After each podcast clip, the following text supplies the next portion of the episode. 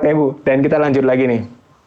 Thank you untuk jawaban-jawaban Ibu kasih tadi dan sekarang gini Bu, kan Ibu di Bandung nih ngajar, pasti jam kerjanya juga beda dong sama dulu di law firm gitu kan. Kalau law firm kan ya mungkin Ibu jarang tidur, begadang-begadang terus gitu kan. Terus tadi Ibu bilang kepikiran mau nyambi. Kenapa nggak nyambi di Bandung Bu? Atau karena kasusnya nggak ada? Uh, karena tadi ternyata pekerjaan dosen itu nggak hanya ngajar loh, uh, dapat. Jadi kami itu kan hmm. sebagai dosen punya tridharma perguruan tinggi kan, pendidikan, okay. uh, eh, penelitian dan pengabdian masyarakat. Belum hmm. lagi di luar tiga itu ternyata tugas penunjangnya banyak sekali. Jadi harus oh. harus jadi panitia ini, uh, panitia apa bias, tim akreditasi, oh. tim review okay. peraturan.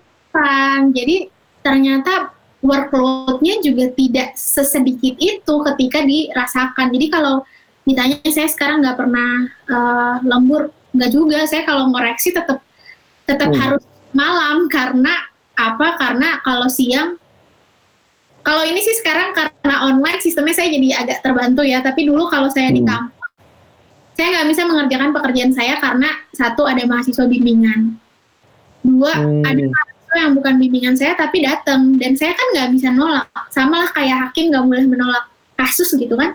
Yeah. Saya juga kan sebagai dosen tidak boleh menolak mahasiswa kecuali urgent ya. Saya sih beberapa kali menolak mahasiswa karena udah ada jadwal rapat, udah ada deadline yang memang harus saya kerjakan secepatnya, itu saya mau nggak mau harus menolak mahasiswa. Tapi kalau tidak ada ya saya nggak mungkin nolak mahasiswa. Jadi kalau saya pribadi dari pengalaman saya untuk saat ini tidak memungkinkan untuk nyambi daripada nanti sama kliennya kerjaan yang nggak maksimal dan pekerjaan sebagai dosen hmm. secara maksimal. Oke oke bu. Aduh keren sekali. oke deh bu, kita balik Bisa kita sedikit. Interview waktu Kenapa, masuk kampus nih dapat waktu masuk Bukan, kampus juga kita... saya ditanya itu sama yayasan. Oh iya. Ini akan nyambi. saya Tapi saya, saya bukan yayasan bu. saya nah, tapi saya enggak sih. Oke, kita balik sedikit Bu ke ini ke ke apa sih dunia kerja law firm ibu dulu tadi ibu udah jelasin kerjanya legal do apa sih bu legal diligence apa sih uji tuntas diligence ya uji tuntas gitu kan nah saya nggak saya kurang paham karena saya lebih suka bukan suka litigasi tapi memang lebih sering ketemu kasus-kasus litigasi gitu jadi sehingga saya nggak kurang paham mengenai corporate gitu kalau ibu dulu corporate-nya apa sih maksudnya corporate kan luas banget bu banyak banget gitu. Tapi ibu ngerjain semua korporat atau apa? Jadi uh, setahu saya kalau di beberapa law firm besar ya dapat ya sekarang itu ada sistem hmm. rotasi. Jadi kalau hmm. itu kan ada practice group, practice group capital market, hmm. terus general corporate, kemudian hmm. banking and finance, kemudian sekarang banyak project finance. Kalau apa tadi capital market itu kan yang berkaitan sama pasar modal. Jadi PT-PT yang TBK itu kalau mau transaksi harusnya masuknya ke capital market. Kalau mau penawaran umum perdana IPO itu masuk ke capital market. Hmm. Kalau pendirian terus uh, merger akuisisi itu masuknya ke general corporate. Kemudian kalau banking finance biasanya berurusan dengan uh, perjanjian utang piutang, jaminan, kemudian kalau mau restrukturisasi bank, restrukturisasi utang, itu pasti masuk ke hmm. bagian uh, banking and finance. Terus kalau project finance itu banyak uh, pembiayaan infrastruktur, jadi pembangunan jalan tol itu kan harus uh, ngerjain yeah. mulai dari perjanjian sama uh, Kementerian Pekerjaan Umumnya, uh, perjanjian hmm. sama kontraktor yang akan bangun jalan tolnya, perjanjian utang piutangnya juga biasanya harusnya masuk juga. Nah itu masuk ke project finance. Nah saya okay, okay. karena lama kerja di Lover, untungnya saya udah berapa tahun sih bu? Empat empatnya dari 2010 sampai 2018 berarti kan? Wow, 8 tahun, lama banget. gitu, jadi saya ngerasain empat empatnya. Saya saya bantu IPO adalah IPO maskapai penerbangan Indonesia. Kemudian eh, merger PT TBK. Kemudian penawaran umum berkelanjutan perusahaan pertambangan minyak dan gas bumi. Hmm. Terus kalau untuk eh, merger dan akuisisi pendirian saya pernah bantu sekali eh, untuk perusahaan konstruksi. Kemudian kalau merger dan akuisisi berapa kali ada transaksi merger akuisisi. Oke. Banking and finance juga ada, tapi saya memang paling banyak dan terakhir posisinya di project finance. Jadi yang memang Hmm. pembiayaan infrastruktur. Itu Oke, terus kalau tadi uji tuntas yang tadi dapat tanya diligence itu ngapain? Itu ada di semua practice group ini. Semuanya butuh eh, melakukan uji tuntas gitu. Karena untuk ngasih oke. utang kan bank pasti mau kondisi mau tahu kondisi keuangan perusahaannya gimana. Kondisi perusahaan Hmm. sama kayak merger sama kayak IPO itu ada ada aturannya sendiri lah pasti harus ada uji tuntas gitu. Oke Bu, makasih ya infonya Bu. Saya bener-bener oke, ya baru. Sebenarnya udah pernah denger gitu, tapi oke kerjanya gini ya gitu. Oke makasih Bu. dan dan gini Bu, dan gini. Ibu ngerjain itu banyak bidang tadi yang Ibu emang corporate, eh kakak deh, kakak corporate banget dan paling susah tuh di mana kak? Pernah nggak sih ngadapin satu project yang bener-bener, aduh nggak nggak nggak bisa jalanin nih atau kesulitan banget gitu? Kalau untuk paling susah di mana setiap project, setiap transaksi itu selalu ada kesulitannya sendiri, selalu ada tantangannya sendiri. Walaupun sama gitu, utang piutang, tapi ketika nyusun dokumen transaksinya, pasti ada deh yang harus bikin, aduh ini gimana ya, pasti mentok dan harus dicari jalan keluarnya gimana. Tapi kalau dari bidang, saya harus mengakui sampai saat ini saya paling nggak ngerti bidang pasar modal. Karena itu highly Hmm. regulated banget. Peraturan Bapepamnya banyak banget. Bapepam, Iya sekarang iya. ah, maaf, maaf, maaf. POJK-nya banyak banget. Dan setiap, setiap transaksi itu diatur gitu. Kayak transaksi afiliasi Hmm, harus eh, Bener-bener. itu kan ada sendiri itu saya udah paling nggak ngerti deh kalau pasar modal menurut saya paling complicated tuh itu Ya saya setuju Bu, karena saya pernah nyodorin undang-undang ke temen, saya suruh kasih, saya kasih satu kasus, terus tentang OJK gitulah. Dia pusing sendiri, nyari aturannya udah stres. memang paling paling susah deh paling paling nggak paham saya makanya saya ini banget kagum banget sama lawyer-lawyer capital market dan mereka jago Oh. banget gitu maksudnya nggak hanya hukum ya oh ya ini mungkin tambahan selanjutnya nih eh, dapat sebenarnya Ya, gimana kak?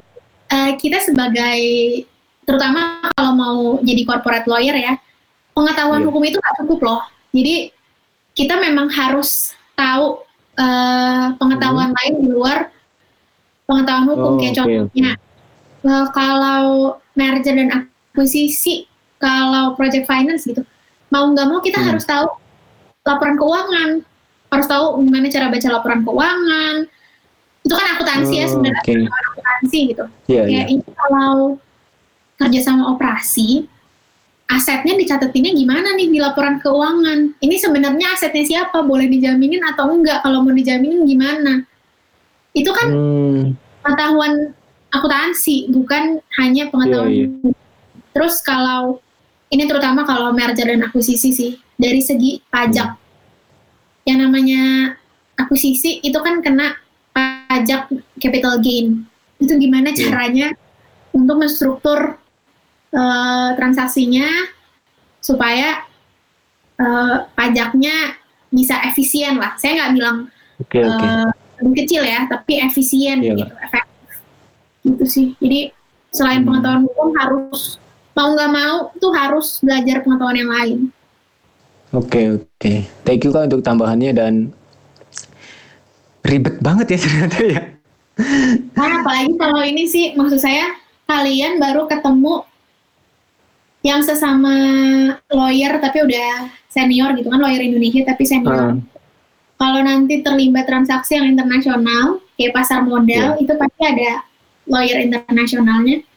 Kalian akan lebih kagum lagi sama lawyer-lawyer internasional karena kalau kalian mau coba lihat gitu dapat deh coba cari aja prospektus itu kan dokumen umum ya jadi dokumen publik Yeah. bisa cari prospektus itu kalau misalnya eh, dibuat versi bahasa Inggrisnya offering memorandum itu yang lawyer lawyer internasional.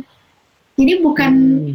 bukan orang keuangan bukan perusahaannya. Yang nyusun adalah lawyer internasional dengan tentunya dengan bantuan konsultan eh, keuangan. Dengan apa KAP kantor akuntan publik terus penilai itu pasti ada. Tapi maksudnya fakta bahwa mereka bisa menyusun yang namanya prospektus yang isinya resiko bisnis strategi usaha itu sesuatu yang kalian nggak bisa dapat di kuliah hukum di fakultas hukum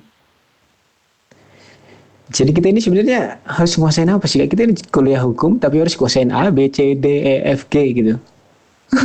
itu itu semuanya harus bisa karena mau nggak mau ini saya nggak tahu ya kalau sekarang masih ada atau enggak cuman dari zaman saya waktu saya mau Hmm. kuliah memutuskan mau masuk jurusan apa itu selalu dibilangnya tenang aja kalau masuk jurusan hukum tuh bisa masuk ke semua profesi bisa masuk ke semua jenis pekerjaan ternyata setelah saya lakoni hmm, ternyata inilah alasannya kenapa orang hukum bisa masuk ke segala jenis bidang karena memang belajar kita Iya, cuma iya.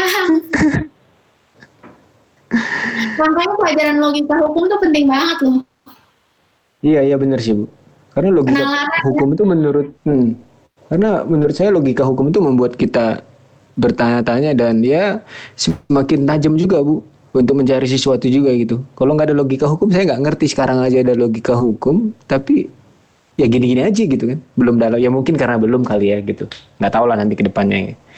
Ingat aja ya, pokoknya semuanya itu bisa karena kalian Ah. melakukan. Jadi kalau baru pertama tenang aja, semua juga pasti meraba-raba. Oke oke kak. Dan gini kak, tadi kakak berbicara mengenai project. Untuk satu project butuh berapa waktu, berapa lama, atau tergantung gedenya transaksi atau apalah saya nggak ngerti. Kalau saya misalkan kayak litigasi nih, kalau saya litigasi kan bisa aja ya sampai kalau sampai peninjauan kembali ya bertahun-tahun gitu. Kalau kakak sendiri gimana? Kalau corporate itu lagi-lagi tergantung eh, transaksi dan tergantung perusahaannya. Maksudnya ada transaksi utang piutang yang sebulan kita bisa tanda tangan utang perjanjian utang piutangnya jaminannya beres selesai. Tapi Oke. ada yang karena ada komplikasi ketika transaksinya, negosiasinya panjang, itu baru selesai enam bulan atau bahkan lebih dari enam bulan. Untuk capital market, kalau capital market kan tadi ada lagi prosedurnya di eh, POJK ya. Jadi kalau IPO tuh pasti ada batas waktunya. Kalau mau pakai buku Oh, Desember, buku itu laporan keuangan oke. maksudnya. Laporan Iya, iya. keuangan Desember itu paling lambat masukin dokumen ke OJK-nya untuk dapat pernyataan efektif kapan itu ada. Jadi biasanya tergantung mau pakai buku kapan. Tapi itu pun lagi-lagi tergantung waktu kita melakukan transaksinya. Ternyata ada masih bisa diselesaikan. Berarti mau nggak mau ya harus pakai buku yang misalnya Juni nggak bisa pakai Desember. Berarti kan mundur lagi. Jadi Hmm. semuanya tergantung jenis transaksi dan eh, tergantung eh, komplikasi waktu transaksinya. Oke oke. Tapi tapi gini kak, maksudnya ini kan proyeknya ya pasti gede-gede lah ya kalau corporate ya. Saya nggak tahu kalau kantor gede ya pasti gede lah gitu kan. Proyeknya dan kliennya asing ya, jarang udah udah jarang banget. Maksudnya PT dalam negeri, perusahaan dalam Iya. negeri gitu. Enggak dong, apalagi terutama saya ya untuk yang project finance. Kita bisa dapat klien BUMN, BUMD Banyak loh. banyak. Untuk capital Hmm. market juga banyak klien BUMN-nya. Jadi Oke nggak semua asing. Oh berarti campur juga ya, ada asing, ada dalam negeri juga. Ada. Saya beberapa kali dapat yang uh, perusahaan dalam negeri kok. Maksudnya yang punya perusahaannya biasa Iya, kalau di iya, Indonesia kan perusahaan benar. keluarga gitu kan. Jadi yang memang ya keluarga. Hmm. Oke kak, kalau misalkan tadi udah bicara itu lagi, terus sekarang lanjut lagi ke ya sedikit tentang law firm lagi nih. Kakak ini dulu di AHP, saya nggak tahu apakah masih saya sama dengan teman-teman saya yang kerja di sana sekarang. Maksudnya jam kerjanya bagaimana sebenarnya? Apakah masih sama seperti yang sekarang atau ya saya juga kadang-kadang nggak tidur juga nyampe di kosan jam 4 terus pergi lagi pagi gitu. Apakah seperti itu Kak? Hmm, saya nggak mau bikin orang takut masuk AHP ya. jadi, jadi gini, uh, semua itu ada waktunya. Ketika tadi transaksi memang Ah, wah lagi dikejar deadline, pokoknya harus masuk bulan depan nih. Banyak dokumen yang belum selesai Hmm. dituntas. Ya memang nggak mau kan kita harus mengejar deadline. Dan saya yakin ini nggak cuma terjadi di law firm, tapi di semua perusahaan kalau ada yang namanya deadline ya kita mau nggak mau memang harus overtime, harus lembur di mana pun. Itu yang pertama. Tapi yang kedua adalah sebenarnya di AHP itu kalian nggak harus kok kerja pulang malam tuh nggak ada keharusan. Karena kalau Hmm. memang pekerjaan kalian udah selesai, kalian sudah mengirimkan semuanya ke senior, kalian minta izin pulang ke senior pasti dibolehin. Kecuali, kecuali pekerjaan kalian dari pertama kalian ngasih itu kurang memuaskan. Jadi senior juga akan ragu-ragu untuk uh, melepaskan atau mempercayakan pekerjaan. Jadi walaupun kalian udah ngirim, ada beberapa beberapa kali saya pun akan melakukan hal yang sama. Bentar ya, tunggu dulu, Hmm. saya masih kerjain ini, nanti uh, saya liatin, saya panggil. Gitu. Jadi mau nggak mau dia harus nunggu sampai kerjaan saya selesai. Tapi itu nggak sering, maksudnya kalau kerjaan kalian bagus, bisa dipercaya dari awal, pasti Hmm. akan dibolehkan. Ya udah pulang aja nanti kalau ada apa-apa ditelepon ya. Maksudnya saya lebih sering mendengar kata-kata itu daripada ntar tunggu dulu, gue masih ngerjain yang lain gitu. Itu ah udah udah nggak pernah lah saya saya dengar maksudnya oke. apalagi generasi sekarang kan udah pinter-pinter gitu lah. Iya sih. Enak dong Kak kalau kayak gitu ya. Enak, maksudnya apa yang membuat pulang malam itu tadi karena kan Hmm. di AHP itu kekeluargaan sekali gitu. Terus ya kalau kalian tahu ada tempat nongkrongnya Sky Garden gitu kan. Jadi terkadang pekerjaan Hmm. tertunda karena sesi di Sky Garden itu atau kurang konsentrasi lah. Tapi kalau Iya iya. kalian aktif datang jam 8 gitu kerja terus kecuali Hmm. jam 6 ada klien yang email kalian itu kalian pasti bisa pulang cepat kalau jam Iya, 6 iya. ada klien email bilang besok pagi harus ada jawabannya ya mau nggak mau kan kalau itu balik lagi ke nomor satu Iya sih. kalau ada Iya, iya. deadline di mana pun nggak harus di AHP saya yakin pasti akan lembur gitu. Iya iya. Karena banyak perspektif yang mengatakan bahwa banyak dengar-dengar dengar ya ketika masuk kantor hukum pasti ya lo nggak tidur, lo akan kerja kerja kerja kerja, nggak punya dunia ini juga kak. Maksudnya dunia lu ya udah nggak punya dunia luar bersosialisasi juga enggak gitu. Tapi ya beberapa teman saya yang kerja di sana tetap aja kok kita sosialisasi gitu. Tapi ya mungkin dari penjelasan kakak tadi udah tersampaikan semua gitu. Dan saya nanya lagi ya, maaf ya terlalu banyak pertanyaannya kak. nggak apa-apa dong Jadi gini, jadi gini. Selama kakak udah 8 tahun, mungkin ya 8 tahun di AHP, menurut kakak ya maksudnya kita sebagai orang karir nih, kalau saya sendiri ngebandingin, saya lebih milih law firm atau perusahaan. Saya akan condong tetap ke law firm. Kenapa? Karena bagi saya di sana banyak lebih, mungkin banyak apa ya ilmu gitu kak. Ya kakak sendiri sebenarnya lebih condong ke law firm karena dapat banyak ilmu atau gimana gitu. Karena kalau di perusahaan mungkin cuma di satu bidang gitu, satu bidang tapi mungkin dalam dia gitu. Eh, ini saya klarifikasi dulu nih pertanyaannya nih berlaku untuk saya sekarang atau waktu saya memilih pekerjaan waktu saya lulus? Ya dua-duanya bu. Kalau waktu saya lulus lagi-lagi ini sebenarnya saya terpengaruh Ah. oleh eh, pengalaman saya ikut kompetisi internasional ya.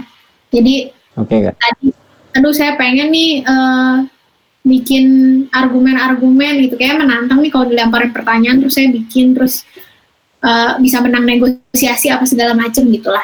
Dan senior-senior saya kebanyakan dari yang ikut kompetisi mutlak internasional memang kerjanya di law firm. Itu yang pertama. Jadi kenapa saya lebih milih law firm daripada perusahaan? Karena Hmm. panutan saya semuanya lawyer waktu saya baru lulus. Ya Iya, biasa iya, iya. kalau mahasiswa kalian pasti punya kan kakak tingkat panutan gitu. Yang nah, eh, kalau sekarang maksudnya kalau saya diminta untuk memilih lawyering atau perusahaan, saya tetap akan memilih lawyering dan kalaupun lawyering Hmm. saya akan masuk ke kantor lama saya lagi juga dengan alasan tadi Mm-mm.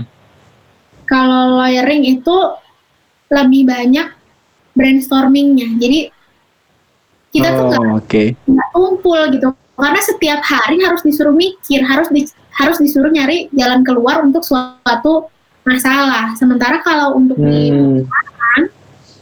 apalagi kalau kita bukan eh, direktur ya yang agak capek Iya. adalah ya kita tahu lah kalau yang namanya orang bisnis ya yang dipikirin bisnis Hmm. Iya, iya. jadi eh, saya sih belum pernah ngerasain mungkin ini nanti eh, dapat harus undang lagi nih tamu yang bekerjanya sebagai legal officer gitu bukan lawyer cuman Oke kak. Hmm. Saya kayaknya saya nggak sanggup nih kalau harus menghadapi orang yang memang sudah punya pola pikir sendiri dan saya nggak bisa debat gitu. Maksudnya kan kalau lawyer eh, ketika kita brainstorming namanya juga brainstorming gitu. Saya bilang apa seberang nggak langsung terima dong, langsung ada bantahan dulu alasan hukumnya apa. Jadi saya mikir lagi gitu. Kalau di perusahaan kan mungkin nggak seperti itu karena perspektifnya beda. Saya mikir dari sudut pandang legalnya, ketika saya lapor sama atasan yang mungkin direktur, dia mikir dari bisnisnya, jadi nggak ketemu gitu ketika debat. Gitu sih, kalau dari saya. Mungkin next time itu harus ngundang yang kerja jadi legal officer. Saya bisa Iya, kasih iya. kontaknya sih. Siapa kak? Ada 2004 namanya Teddy Antono, kerjanya di Grab. Eh, Emang boleh ya kak? Saya bukan siapa-siapa, takut gak kenal saya. ada beberapa kok ada yang kerja di Google juga sebenarnya banyak loh sekarang yang dari lawyering pindah ke yang unicorn atau mungkin kalau nggak terlalu jauh ada Twina 2007 di Traveloka kalau memang gitu udah kebayang kalau Oke, saya nanti saya nggak ya, kebayang dari dari kakak aja nanti saya minta kontaknya ya. iya Lumayan nambah koneksi. boleh boleh boleh Oke kak, oke kak. Sekarang gini deh, saya mau nanya lagi. Ini kan kakak udah di law firm itu lama banget dan sangat-sangat penting kah ilmu yang pelajari kakak, kakak yang yang kakak pelajari selama ini di kampus? penting maksudnya eh, tadi ya Hmm. saya saya saya sadar bahwa ketika saya jadi dosen Hmm. satu apa yang dipelajari mahasiswa di kampus itu pasti kalau nggak sambil dilakukan lupa jadi Hmm. yang lebih penting lagi menanamkan nilai-nilai sikap tadi karena ketika saya eh, lulus Hmm. saya harus jujur nih saya juga waktu lulus ya lupa sebagian besar apa yang saya pelajari di kelas gitu apalagi Hmm. yang tidak saya pelajari sendiri karena kan kalau dulu hukum perusahaan bukan mata kuliah wajib saya mengambil mata kuliah pilihan tapi karena mata kuliah pilihan saya lebih rajin baca sendiri gitu Hmm. Oke. ada beberapa yang memang masih nyantol gitulah waktu saya eh, kerja tapi yang lebih penting lagi adalah apa yang selalu ditanamkan dosen-dosen waktu di kampus. Maksudnya kayak harus jujur harus eh, punya integritas. Itu yang harus kerja keras. Itu yang membantu saya bertahan. Maksudnya kalau mau jujur waktu zaman saya saya kompetisi pun saya kalah lah dibandingin mahasiswa lain yang lulus dari perguruan tinggi negeri gitu. Mereka Hmm. praktikalnya pengetahuan praktikalnya lebih daripada saya. Maksudnya ya, ya kita tahu lah kita kita kita sama-sama tahu. Mungkin kita kuat di teori tapi kalau pemahaman Hmm. pengetahuan praktikal tuh kita kurang banget. Itu juga sama terjadi waktu saya lulus. Hmm. karena tadi karena ada nilai-nilai itu itu yang bisa membuat saya bertahan. Maksudnya kita selalu diajarkan untuk jangan jangan mau puas sama apa yang kalian terima di kelas. Kalian tuh harus usaha sendiri. Maksudnya dengan Hmm. susah nilai ya maksud saya itu sa- salah satu salah satu yang saya ingat gitu kita Iya, dulu iya. waktu kuliah ya mungkin sekarang juga sih mungkin dapat juga Hmm. ngerasain yang namanya dapat nilai itu susah banget loh kayaknya udah udah belajar mati-matian tapi kok susah banget dapet 80 gitu ternyata itu yang yang terjadi di kerja ya itu maksudnya Iya, yeah, iya. Yeah. kerja keras kok gini-gini aja sih maksudnya kok dia lebih jago dari saya kok kayak apa sih Hmm. yang bikin ini cuman kan tadi karena kita diajarkan untuk selalu takut Iya, iya. selalu kerja keras ya itu yang membuat saya bertahan gitu. Oke, oke. Dan ya penting ya, intinya penting bahwa semua apa yang kakak alami selama ini penting banget untuk dunia kampus. Dan di mana saya lihat bahwa kakak memberikan bukan pandangan, tapi maksudnya memberikan perspektif yang lebih luas, bukan cuma materi yang teori-teori aja gitu. Dan akhirnya anak-anak juga makin ngerti tentang apa yang kakak jelasin gitu. Dan gini sih kak, kakak tadi sebutin bahwa ada nilai-nilai kayak jujur, ya tekun, kerja keras gitu. Zaman sekarang apa masih relevan kak? Dan kita melihat bahwa zaman sekarang orang lebih cenderung kayak yang penting lo pinter, lo bisa bla bla bla semuanya, lo akan ditarik kerja kok kayak gitu. Saya nggak tahu mungkin pandangan kakak gimana, karena kakak udah jauh lebih mengalami semuanya gitu. Saya baru beberapa bulan kak. Kalau dari saya pribadi, eh, saya lebih suka orang yang kerja keras daripada orang yang pintar. Karena orang yang kerja keras bisa lebih pintar daripada orang yang pintar.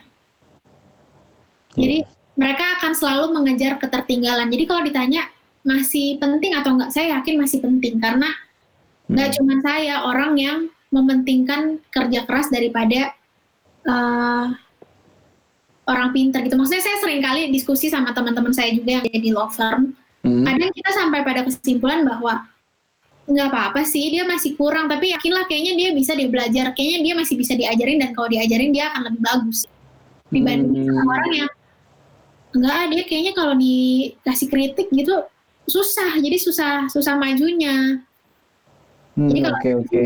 kalau dari saya sih itu masih relevan sekali Iya iya. iya. Ya saya juga setuju dengan itu sih bu. Karena ya gimana pun juga ke depannya kalau kita tetap megang nilai itu ya saya rasa kita akan jadi ya bukan cuman pinter sih tapi maksudnya bisa guna buat orang lain gitu. Ya termasuk kayak kakak ini kan sekarang berguna buat banyak orang termasuk saya juga gitu. belum tentu Ya setidaknya apa yang kakak sampaikan ya maksudnya nyampe ke kita gitu. Amin. tahu oh kayak gini ya gitu. Ya itu sih maksudnya yang saya pertanyakan yang paling saya pertanyakan ya dalam lubuk hati saya ini orang udah kerja di top firm, ngapain ke sini? Kurang kerjaan banget gak sih? Ya dalam pikiran saya kayak gitu kak. Makanya kayak setelah mendengarkan penjelasan kakak dan oke nggak semuanya ya tentang ya top top apalah gitu. Karena kan selama ini kan kita lihat bahwa banyak orang yang mengejar oh gue mau ke sana. Ya baik sih. Maksudnya saya juga pengen kerja di top law, law firm gitu. Tapi kan balik lagi gitu yang apa yang kakak ceritain tadi semuanya. Dan oke lah kak. Mungkin ini untuk sesi pertama. Maaf ya. Untuk sesi pertama saya mau minta kakak untuk mungkin cerita ataupun ngasih pesan ke adik-adik ataupun teman-teman saya ataupun yang lagi kuliah supaya mereka bisa mempersiapkan apa yang mereka harus hadapi ke depannya gitu. Ini silahkan kak.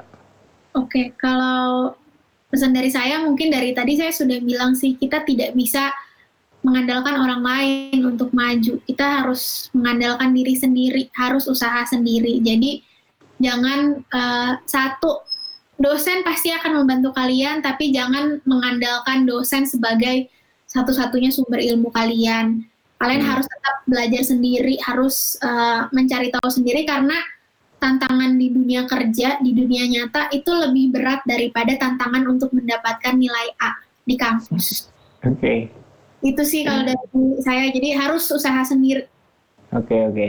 Jadi thank you buat Kak Theo hari ini udah menjelaskan banyak ya pengalaman, informasi yang yang bukan mungkin tapi ini sangat berguna bagi kita semua dan siapa pun yang mendengarkan semoga bisa dilakukan juga dan semoga ke depannya nanti bisa sesuai dengan apa yang kalian cita-citakan. Thank you untuk hari ini, makasih untuk semua pendengar hari ini. Thank you. Terima kasih juga. Yo Bu.